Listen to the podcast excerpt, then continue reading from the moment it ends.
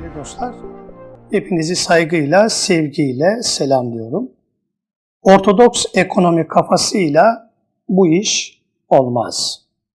Bugün sizlerle inşallah ortodoks ekonomi yani mevcut uygulamada tercih edilen zihinsel kodlarını batıdan alan, tavşana kaç, tazıya tut diyen para ve maliye politikalarının bir bileşkesi olan Ortodoks ekonomisini konuşacağız.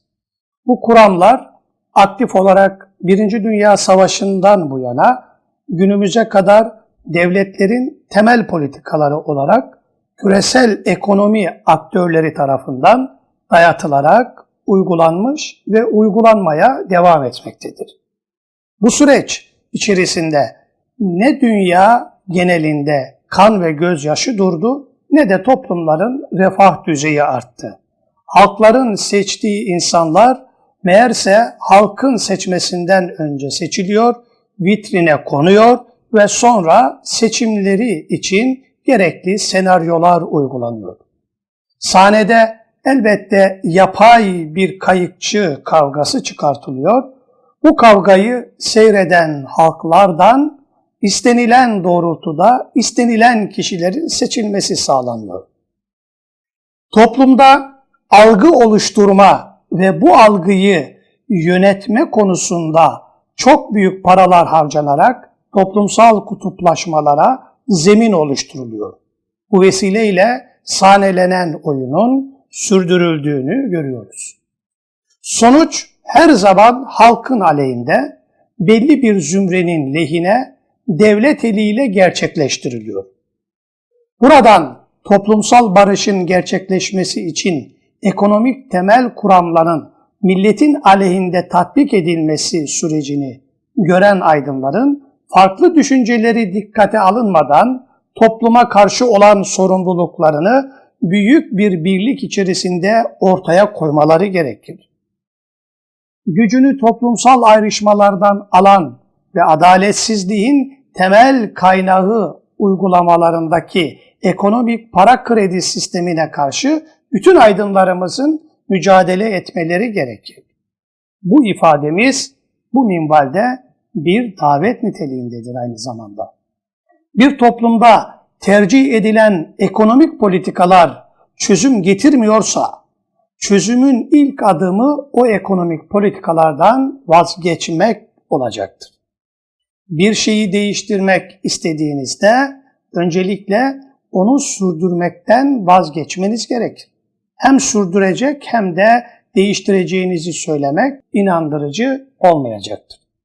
Çünkü aldığınız ekopolitik kararlar yönettiğiniz milletin bütün hayatını etkiler niteliktedir. Toplumsal bir kalkınmanın temel hareket noktasının tercih edilen kalkınma modelleri ile gerçek bir kalkınmanın aleyhinde yol alması tamamen bir tercih meselesidir. Okullarda ortodoks politikaların öğretilmesi şüphesiz sistem kurucularının, yöneticilerinin en güç aldığı yerdir. Sistem kendine sürekli zaten taze kan buluyor, onları kendini savunacak makamlara getiriyor çözüme odaklı sözde önerilerinin hipotezlerin ötesinde geçmeyen varsayımları reel ekonomiye tatbik ettiriyor. İç içe kurgulanmış ve birbirine bağımlı çözüm odaklı olmayan ortodoks ekonomi kuramları sürdürülebilir bir bağımlılığı sürekli borçlanma modeli üzerinden gerçekleştirerek bugün tatbik edilen iktisadi önerileri içerir. Daha önceki programlarımızda yeni ekonomik program programa değinmiş, temel üç unsurun öne çıkarmış, bunların uygulanması durumunda oluşacak tahribatların gerçek manada krize yol açabileceğini daha önce ifade etmiştik. Bizim baktığımız yer bu programı hazırlayıp hükümetimizin önüne koyan kripto bürokrasinin baktığı yer değildir. Onların önerdiği ortodoks ekonomik politik önerilerin saç ayaklarından biri olan sıkı maliye politikası yatırımların kısacaksın, vergileri arttıracaksın, faizleri arttıracaksın şeklinde yeni ekonomik programda yer aldı. Bize göre bu program hükümeti hedef almıştır. Hükümetimiz bu programı aynen uygulamaz, uygularsa kendi ayağına kurşun sıkması demektir.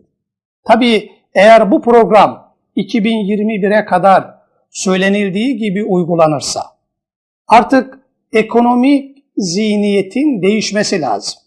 Geçmişte Osmanlı'da olduğu gibi ekonomi kamu harcamaları ve finansman desteği sağlamak üzere ekonomi anlayışından vazgeçilmelidir.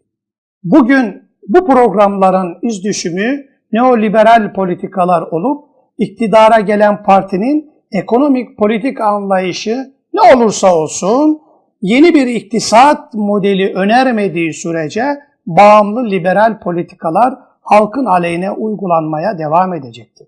Halkın büyük bir çoğunluğu oyu ile iktidara gelenler bağımsız bir devlet için bağımsız bir iktisat modelini kurmak zorundadır.